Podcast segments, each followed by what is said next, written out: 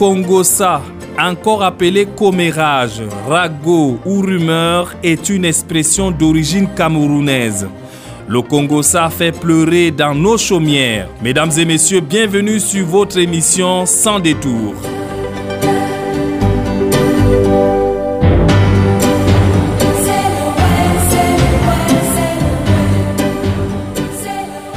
Sans détour de ce jour, braque ses projecteurs sur un phénomène social qui a pion sur rue appelé Congosa.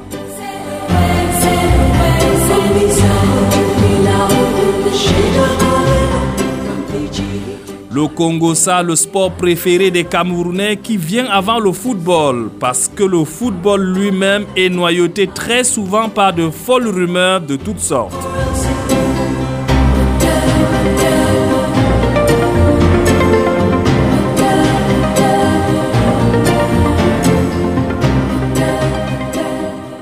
Le Congosa a détruit des amitiés, il a déstabilisé des mariages, il a créé la zizanie entre un patron et un employé.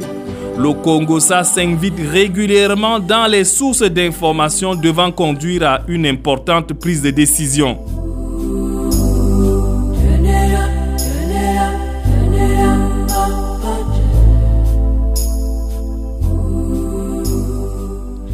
Pouvons-nous diriger ou administrer en fondant nos décisions sur le Congosa Voilà un phénomène social qui s'est imposé dans notre quotidien.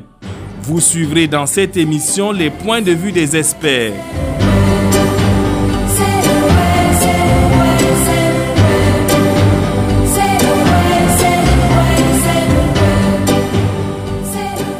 Cette émission est rendue possible grâce au concours de Maxino à la partie technique, Dija Modibo à la mise en forme des éléments sonores, Souleymane Abouakar et Noura Abdou assurent la réalisation de votre émission sans détour. Mesdames et messieurs, installez-vous confortablement pour écouter votre radio. Sans détour, votre émission au cœur d'un phénomène social de nos communautés. Le Congosa est une expression issue de la langue sawa qui désigne la rumeur, le commérage de quartier, le bouche à oreille. La société camerounaise est devenue friande des Congosa qui se diffusent sur les réseaux sociaux et autres regroupements. Le Congosa est devenu la chronique permanente de certains influenceurs, blogueurs et youtubeurs. Nous lisons très peu les journaux, on s'abreuve très peu aux sources officielles. C'est grâce aux réseaux sociaux qu'on s'informe et se forge parfois une opinion. Des détournements des fonds aux infidélités avérées ou supposées, tout passe à la moulinette du Congosa. Nous sommes une société de l'oralité où le commérage a fait son lit. Radio Oséré a baladé son micro dans les rues de la ville de Marois pour recueillir les avis des populations. Écoutons. Le Congosa, pour moi, c'est le fait de parler de quelqu'un euh, sans sa présence. Au fait, j'ai une fois été secouée par ce phénomène parce que, euh, entre temps, euh, j'étais encore petite. Je me souviens bien en seconde, les gens disaient déjà derrière moi, toute l'église disait que j'étais déjà, j'étais enceinte. Or que je n'étais pas, ce n'était pas vrai. Jusqu'à ce qu'ils ont informé même mes parents et autres. Euh, pourtant, moi, je ne savais pas. Et ça a beaucoup bouleversé euh, ma vie et ça a beaucoup eu des effets négatifs sur moi. À ces personnes qui font le Congo ça, je tiens à leur dire comme conseil d'arrêter de faire le Congo ça. Si vous voyez quelque chose qui ne marche pas, marche pas vers une personne ou bien si vous voulez approcher directement la personne pour savoir si c'est confirmé. Mais quand vous allez à son insu pour euh, parler de ça, ça fait que ça ne donne pas une bonne image du tout. Parlant de l'impact de Congosa dans des relations, ça gâte vraiment des relations. Ça tue vraiment les relations sérieuses. On peut prendre une fausse information pour venir bousculer votre relation. Pour donner la définition au Congosa, en fait, c'est les gens qui gâtent réellement, qui gâtent vraiment des relations des gens. Encore, le Congo, ça a vraiment ce que... Je peux même prendre l'exemple sur moi. J'avais eu deux copines. J'ai mon gars et ses copines veulent de mon gars, mais il se passe comme si, au fait, mon gars est devenu leur ennemi, alors que ce n'était pas le cas. Ils ont monté un coup comme si j'étais que le gars me trompait avec une autre fille, alors que ce n'était pas le cas. C'était après que notre... j'avais fini avec la relation et j'avais compris que ce n'était pas vrai au fait. Et voilà, ça un peu, ça m'a secoué. Vraiment, j'avais du mal à supporter, mais après, j'avais compris que c'était juste des Congoussa et franchement, les Congoussa tuent. Je donne des conseils souvent aux gens qui aiment les Congoussa. Pourquoi? Souvent, quand tu fais du mal à quelqu'un, un jour à l'autre, ça retombe, ce mal retombe sur toi. Puisque là, euh, tu gênes, tu gâtes la relation de ton ami parce que tu es jaloux d'elle, parce que ce qu'elle a, tu n'as pas, parce que elle s'habille bien, parce que son gars lui gère bien. Mais ce n'était pas le cas. Puisque un jour à l'autre, toi aussi, c'est d'autres filles peuvent faire ce ça sur toi. Alors tu serais dans le même cas de ce que tu as fait à ta soeur. Pour moi, je définis le ça comme le rapportage. Le fait qu'une personne te dit une chose et toi tu pars dire cette chose à une autre personne. En classe de sixième, quand on causait souvent avec mes amis, il y avait une qui allait rapporter ça à celle qui n'était pas en classe. Au fur et à mesure, ça a fini par exploser, comme chaque fois, et ça a créé des discordes entre nous. Et ces discordes ne se sont pas arrangés jusqu'à présent. Un conseil que je peux donner aux gens qui font le Congo, ça, le rapportage, arrêtez parce que ça peut briser des liens qui sont solides. Ça peut être défini comme euh, le fait de prendre une information non vérifiée et d'aller donner à quelqu'un d'autre sous un autre angle et cette information mal véhiculée peut créer des problèmes. C'est un peu comme ça que je peux donner la définition du Congo-ça à ma façon. Team du Congo-ça pratiquement en seconde qui a déchiré le lien d'amitié entre moi et ma camarade de classe. A pris mon nom, a appelé la, ma camarade de classe avec un autre numéro pour dire que je mal parle d'elle alors que je n'ai même pas fait cela. Et un bon matin, vient m'interpeller en classe pour me dire ce que je n'ai pas dit. Et la fille a refusé de donner le numéro peut-être de peur parce que l'autre fille sûrement l'a menacé. Font le Congo le seul conseil que peut leur donner c'est d'éviter de faire cela parce que non seulement ça déchire les foyers, ça détruit, ça tue les gens en fait, parce que le Congo ça est un outil meurtrier. Si on ne le sait pas, pour d'autres personnes, s'ils ne savent pas ce que c'est, mais le Congo ça peut tuer, et peut déchirer un foyer, peut déchirer des amis. Je définis le Congo ça comme une manière de tirer les informations d'une manière et aller interpréter en vue de gâter peut-être une relation ou bien la vie sociale et privée, professionnelle des individus. Pour ça, d'abord même c'est un fait social, on vit cela chaque jour. Donc j'ai été victime de Congo ça par une amie qui a voulu décrire mon lien d'amitié avec une autre. Et ça m'a beaucoup fait mal, ça m'a terrorisé au fait. Je vois que ces gens qui font le Congo, ça sont des personnes qui n'ont rien à faire au fait. Et si peut-être le gouvernement pouvait donner du travail aux gens, ils pourront s'occuper à travailler et ne pas faire du Congo ça. Congo ça pour moi c'est le fait de tirer des informations à une personne, tirer comment tu les verginer et transformer et ça crée généralement des problèmes. L'année dernière, une amie est venue me dire qu'une autre amie a mal parlé de moi et moi je me suis du coup je me suis fâchée. Je ne lui ai pas demandé des explications alors que ce n'était pas vrai. J'aurais pu lui demander des explications et elle m'aurait dit la vraie version de la chose. Et en fait, ça a un peu créé des problèmes, mais à la fin, on s'est quand même réconcilié. Ceux-là qui font le Congo, ça, je les, je les demande, je les supplie même de laisser la vie des gens tranquille parce que ils donnent des informations, ils tirent des informations qui ne sont pas vraies, ils les transforment à leur manière et ils partent les diffuser. Du coup, ça crée des problèmes et ça, ça ça garde les amitiés, les couples et tout ça. Pour moi, le Congo, ça, c'est une information fausse divulguée par certaines personnes qui n'ont pas de travail à faire seulement. Une fois, on a divulgué une, information disant qu'elle était mariée, alors qu'elle n'était pas. Même à l'instant, là, certains pensent que je suis mariée, alors que ce n'est pas le cas. Ça ne dérange pas. Moi, là, ça ne me regarde pas. J'ai fait mon travail, non. Chacun vit sa vie. Mais certains doivent arrêter de, je dirais même comment, non de se mêler de la vie des, gens seulement. Ça D'arrêter et de chercher un bon travail parce que là, c'est seulement, je dirais, le chômage qui leur dérange. Sinon là, s'il y avait le travail, ils n'allaient pas faire le Congo ça. En Congo ça, je peux dire qu'il y a certains qui prennent des fausses informations et allaient publier au quartier. En fait, euh, le Congo, ça peut te conduire, bon, peut te porter préjudice parce que, bon, il y a l'exemple de ma cousine. Elle a fait l'autre Congo, ça pour déchirer l'autre, le foyer d'une fille comme ça et je vois que c'est, c'est du mal. Puis prendre l'exemple d'une camarade comme ça, elle n'a pas bien vérifié que la fille était enceinte. Alors les policiers ont venu chercher la fille là pour aller vérifier est-ce que réellement la fille a été tombée enceinte. Mais c'est des fausses informations. Alors, ça a porté préjudice. On l'a arrêté parce qu'elle a fait des Congosa. Bon, en fait, euh, euh, les conseils dont on peut les donner, bon, c'est pas bon de faire des Congosa. Bon, je peux leur dire de ne pas faire le Congosa parce que le Congosa, c'est pas des bonnes choses. J'ai défini Congosa comme la manière de mentir sur quelqu'un de ce qu'il n'a pas fait, ou encore la manière d'inventer ce que son ami n'a pas fait et puis il ment, il invente, il assure à ce que, que c'est ça que l'ami a fait. C'est un peu ça pour moi. Je suis victime d'un Congosa. À ce temps, j'étais petit. Donc, ils ont menti que euh, je ne travaillais pas beaucoup à l'école, or que c'est pas juste. Donc c'est un peu ça. Donc je suis victime. Les conseils que j'ai à donner, c'est pas bien de, faire comme ça. Congo ça, c'est le fait d'en parler d'une personne hors de sa présence. Euh, j'ai été victime lorsqu'on était avec les camarades.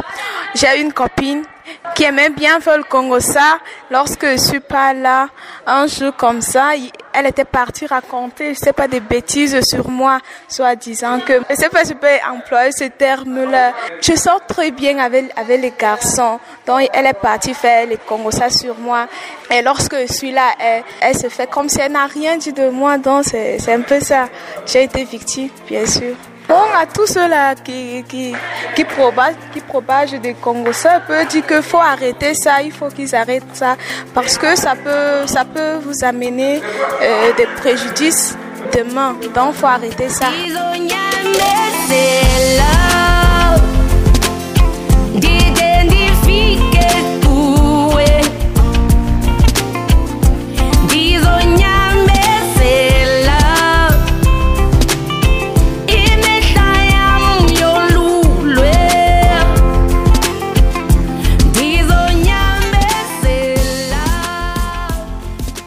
Rumeurs publiques, informations parallèles circulant de bouche à oreille et colportant souvent en les amplifiant des nouvelles plus ou moins vraies. Le Congo, ça s'apparente à la médisance, à la calomnie, aux insinuations, au colportage ou au mensonge. Radio Serré a rencontré Modibo Dairou, imam de la mosquée de Sabongari, qui donne son point de vue sur le Congo, ça, encore appelé en Fufulde, Touflé. Innu mo wawata endugo haala e gaɗow tufle kam on kam nane ma sariya kam wato bano bareteɗo ma sam ha sariya kam. Wato masalama ɗo ñiŋaɗo ha sariya kam. Wato sariya kam wurtimo sam ɗa ɓota gudde gam nane ma kan kam wato o hamdan wuro. Wayne wi ni wayne wi ni wayne ɗo kam haramun a faami o kam nane ma sariya kam o ñiŋaɗo o ɗona sariya kam. Bilawol bo. Ta bo on bona bamako kanko on o tuflejo goɗɗo nano haala wayne wi ni wayni kanko bo o tuflejo man o futan be ɓe tuflowo man. Ɓe potan kalkal ha sare kam. Innu nane ma radio sore kanaɓe ɓeɗon gaɗa émission ji belli belli. Ɓeɗon gaɗa wasu ɓeɗon gaɗa no yimɓe gonti duniya ɓeɗon gaɗa no yimɓe no duniya man yahata ɗo ka fof kamɓe kam man yaakeji maɓɓe ɗo kama takko ɗum ɗum wasu noon. Wasu bo wasu dinde pat ɓeɗon gaso ɓeɗon jara modi ɓe ƴama banni ɓeɗon bolwa haala télé haala cogguji haala gendalji haala laabi. Ɗo ka ga ɓeɗo ɓeɗon mbiya banni. Ɓe nanoɓe tufle kam.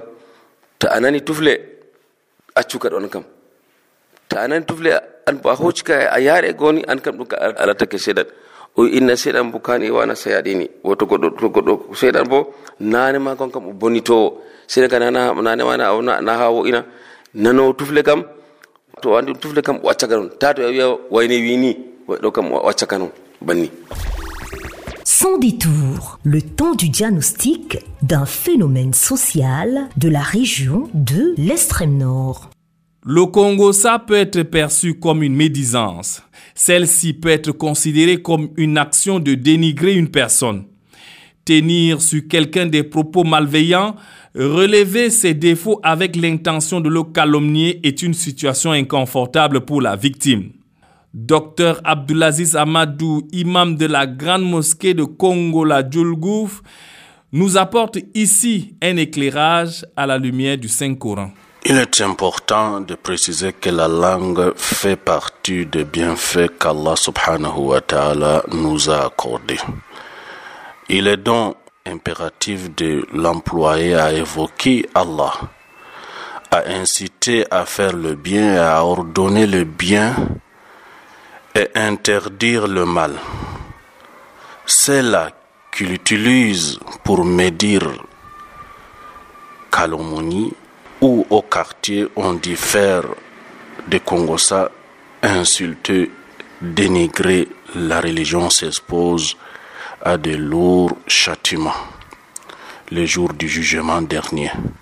Le prophète Mohammed sallallahu alayhi wa sallam dit à propos celui qui croit en Dieu et en leur jour et en le jour dernier qu'ils disent du bien ou bien qu'ils se taisent.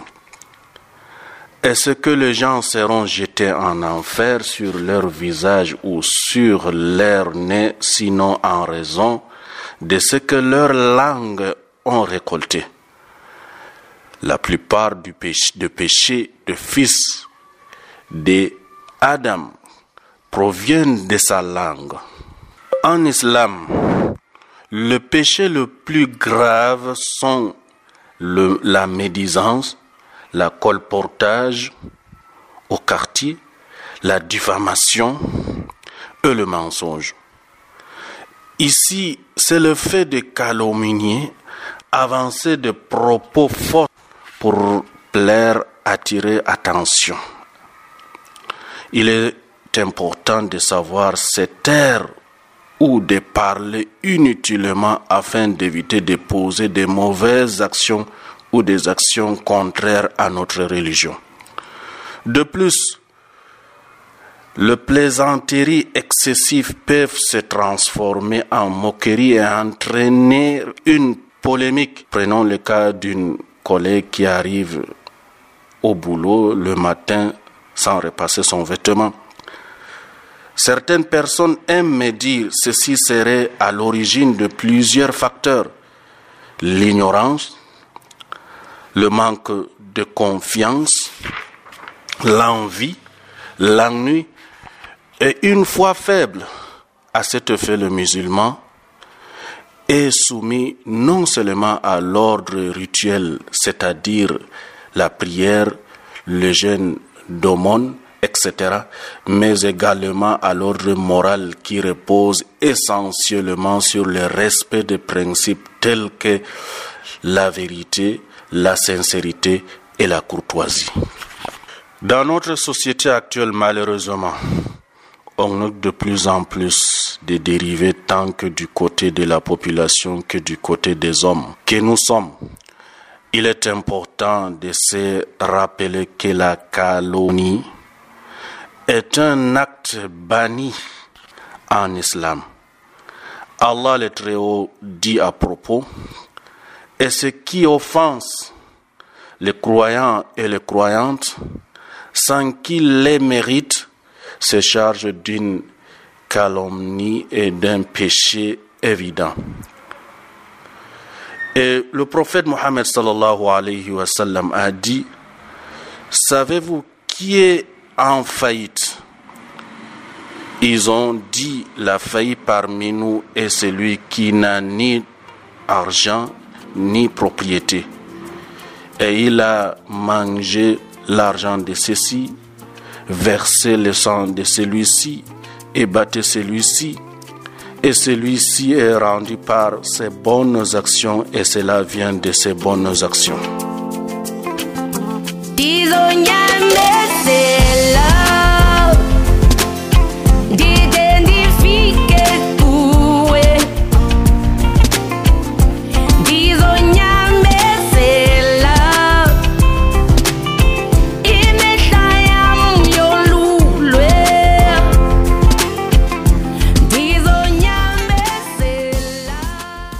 Le Congo, ça peut aussi s'apparenter à des propos diffamatoires, aux dénonciations calomnieuses, au chantage et aux fausses nouvelles.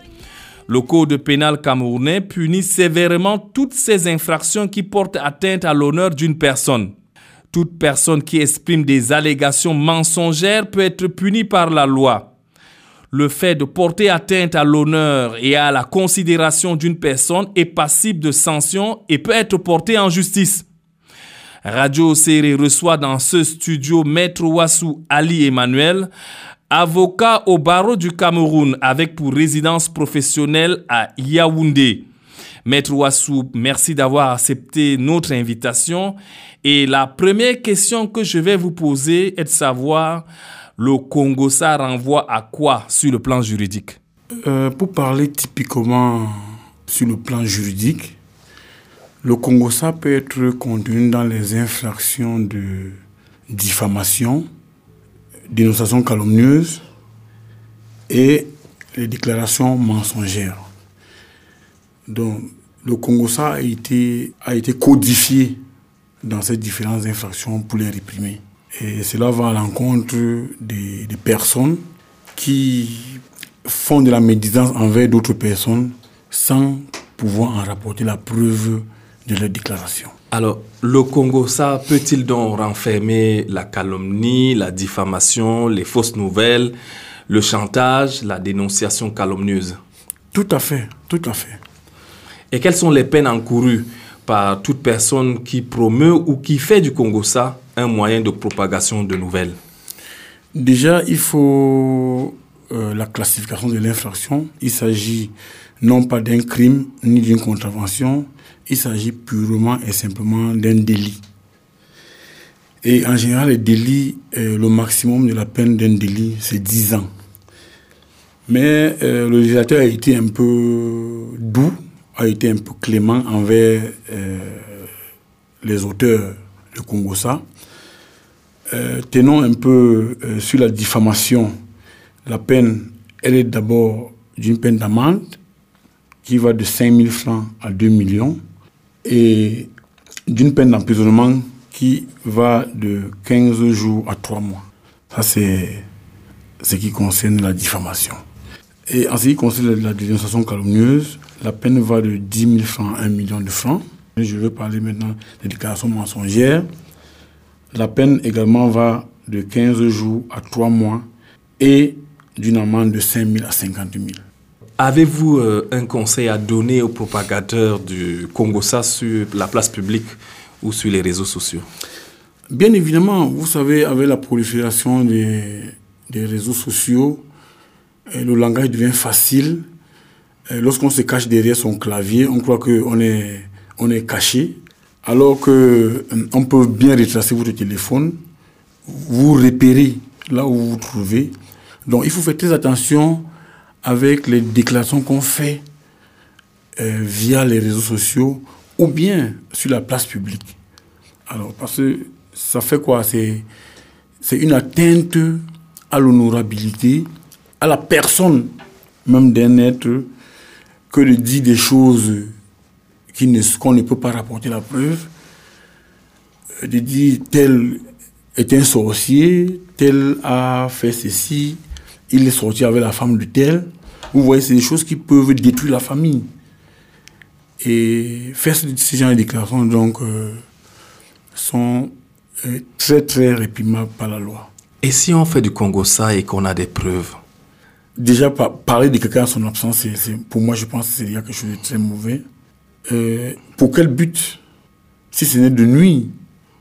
Donc, il vaut mieux s'abstenir parler de soi-même. Mais lorsque vous parlez d'une personne, même si c'est un bien, parfois il faut son autorisation.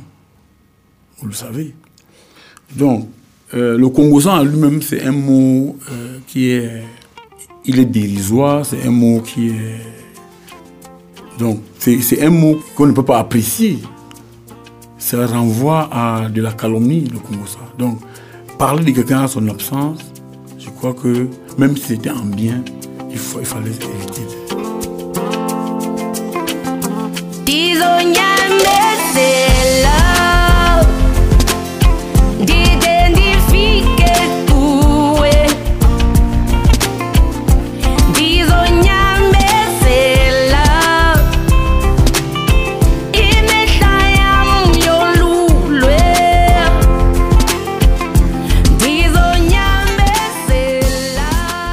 Congo-ça à la camerounaise peut avoir plusieurs déclinaisons de définition. Mais ce qu'on retient du Congo-ça, c'est qu'il y a une personne qui colporte un message et une autre qui en est la victime. Mais il demeure tout de même que le Congo-ça nuit gravement aux relations humaines et détériore le tissu social. L'équipe de Radio Serré est allée à la rencontre du docteur Magloire Nissimaïsou, sociologue et enseignant-chercheur à l'université de Marois. Notre reporter euh, Noura Abdou s'est entretenu avec l'enseignant de la faculté des arts, lettres et sciences humaines de Marois. Il esquisse à notre micro la définition scientifique du Congossa. Écoutons. La notion de Congossa, déjà, c'est une terminologie à mon sens, fortement camerounaise. Une fabrication camerounaise, j'imagine, qui renvoie justement au colportage. Ici, au-delà de l'aspect social, je pense que les juristes devraient avoir une définition plus connotée. Mais dans notre contexte social aussi, nous devons comprendre cela comme le fait pour les uns et les autres de porter une information, une nouvelle, comme vous l'avez dit, ou alors une information tout simplement d'un point à un autre, d'une personne à une autre, sans avoir la vérification, la véracité de l'information. Est-ce qu'elle est fondée? Est-ce qu'elle est vraie? Est-ce qu'elle est justifiable par des arguments euh, objectifs? Sans avoir tous ces fondements-là, on se permet de prendre ce qu'on a entendu vaguement comme cela et de le porter à l'attention d'une autre personne. Donc c'est un peu comme cela que je comprends la notion de colportage ou alors de congossa. Le congossa a souvent brisé des amitiés, des couples, des relations professionnelles. Quelles sont les causes qui inspirent les colporteurs de congossa Justement des raisons malveillantes, des raisons qui ne sont pas euh, de bonne intention, on ne saurait aller dans un couple dire que votre époux est en train de vous tromper ou votre épouse est en train de vous tromper sans avoir eu des raisons réelles on ne saurait le faire dans le bon sens parce que forcément ça va choquer les, sensibilités, ça va choquer l'émotion, la passion du conjoint et naturellement ça va mener à des situations plutôt malheureuses. Donc le fait de porter ces informations euh, aux couleurs de rumeurs, pour moi ça renvoie à la malveillance, à la destruction. Ça veut dire que les personnes porteuses de ces informations sont animées de mauvais esprits. Ou alors, tout au moins pour euh, faire doux, on dira que c'est, euh, ça relève de l'ignorance, parce que les conséquences sont naturellement fâcheuses. Quels sont les risques qu'encourent les propagateurs du Congo-ça Bon, ça aussi, comme je l'ai dit, la, la problématique ou alors le concept de Congossa ici, pour moi, ça renvoie beaucoup à la juridicité. Ça fait que, euh, de ma posture de sociologue, je ne peut pas prendre euh, véritablement position, mais néanmoins, les conséquences sont évidentes et pas de bonne notoriété. Qu'est-ce que je veux dire? Vous allez jouer un rôle, un mauvais rôle dans un couple, dans une relation amicale, dans une communauté, et ainsi de suite. Vous êtes destructeur. Tout compte fait, le retour vous sera négatif. Que les gens arrivent à se séparer, que les gens arrivent à aller en justice, que les gens arrivent à se faire du mal, quand le temps fera ses effets, tout, on vous verra d'un mauvais œil. Parce que vous avez été aux origines de cette destruction, de cette déconstruction de la relation.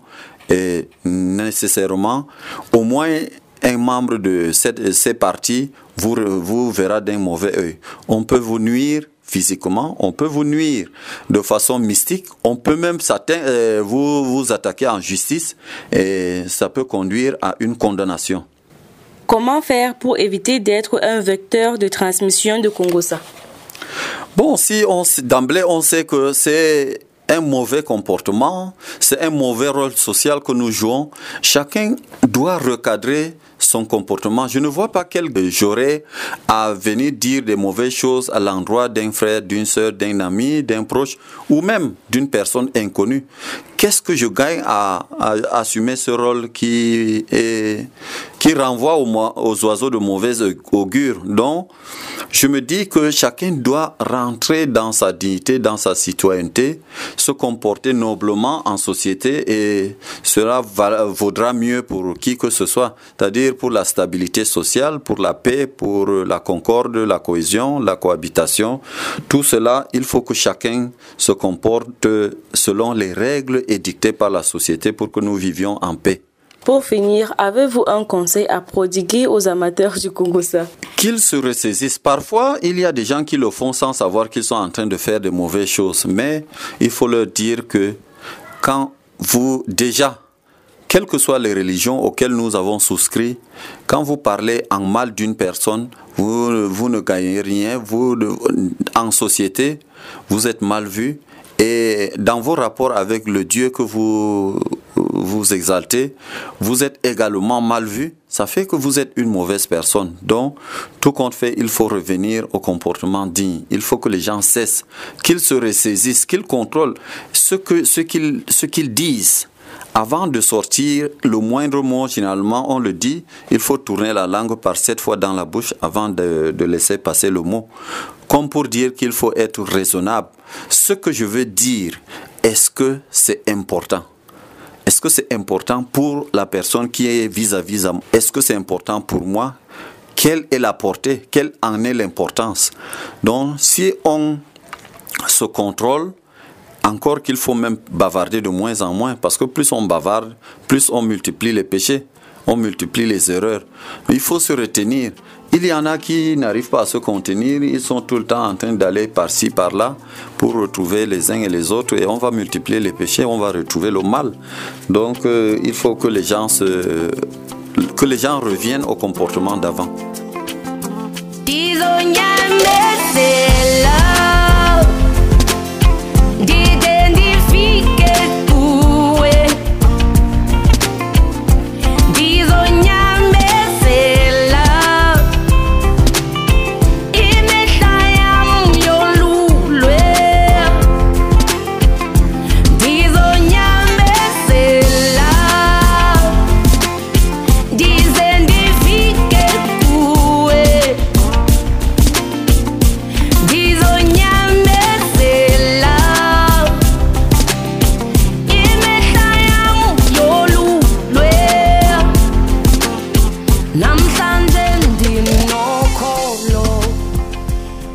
Congosa est un fait social qui prend des proportions dans nos communautés. Il serait judicieux de prendre toujours des précautions en vérifiant l'exactitude d'un message avant de le divulguer.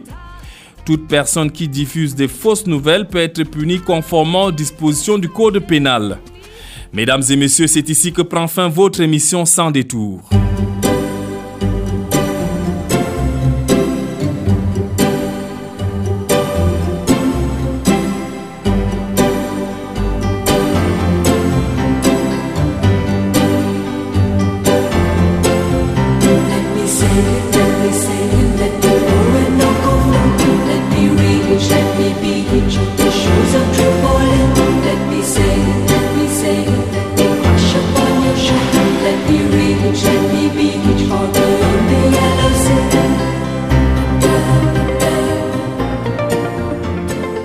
Sans détour de séjour, s'est penché sur un phénomène social qui s'appelle le Congosa.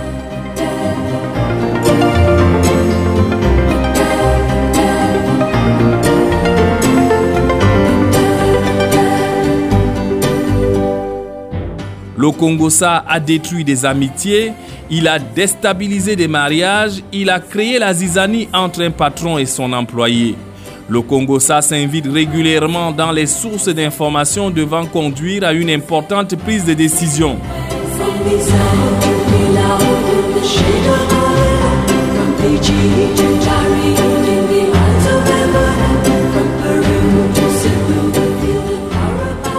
Pouvons-nous diriger ou administrer en fondant nos décisions sur le Congo-SA Voilà un phénomène social qui s'est imposé dans notre quotidien.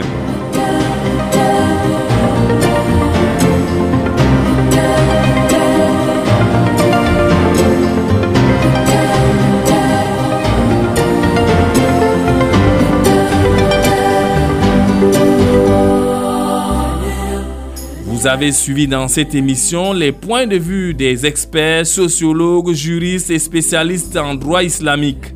Votre émission sans détour a été rendue possible grâce au concours de Maxino à la partie technique, Dija Modibo à la mise en forme des éléments sonores, Souleymane Aboubakar et Noura Abdou ont assuré la réalisation.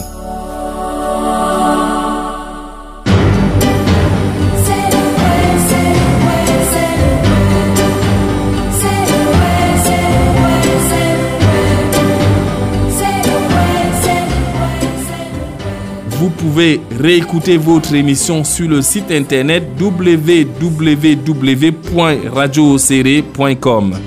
Restez scotchés sur la 105.5 FM, nos programmes se poursuivent.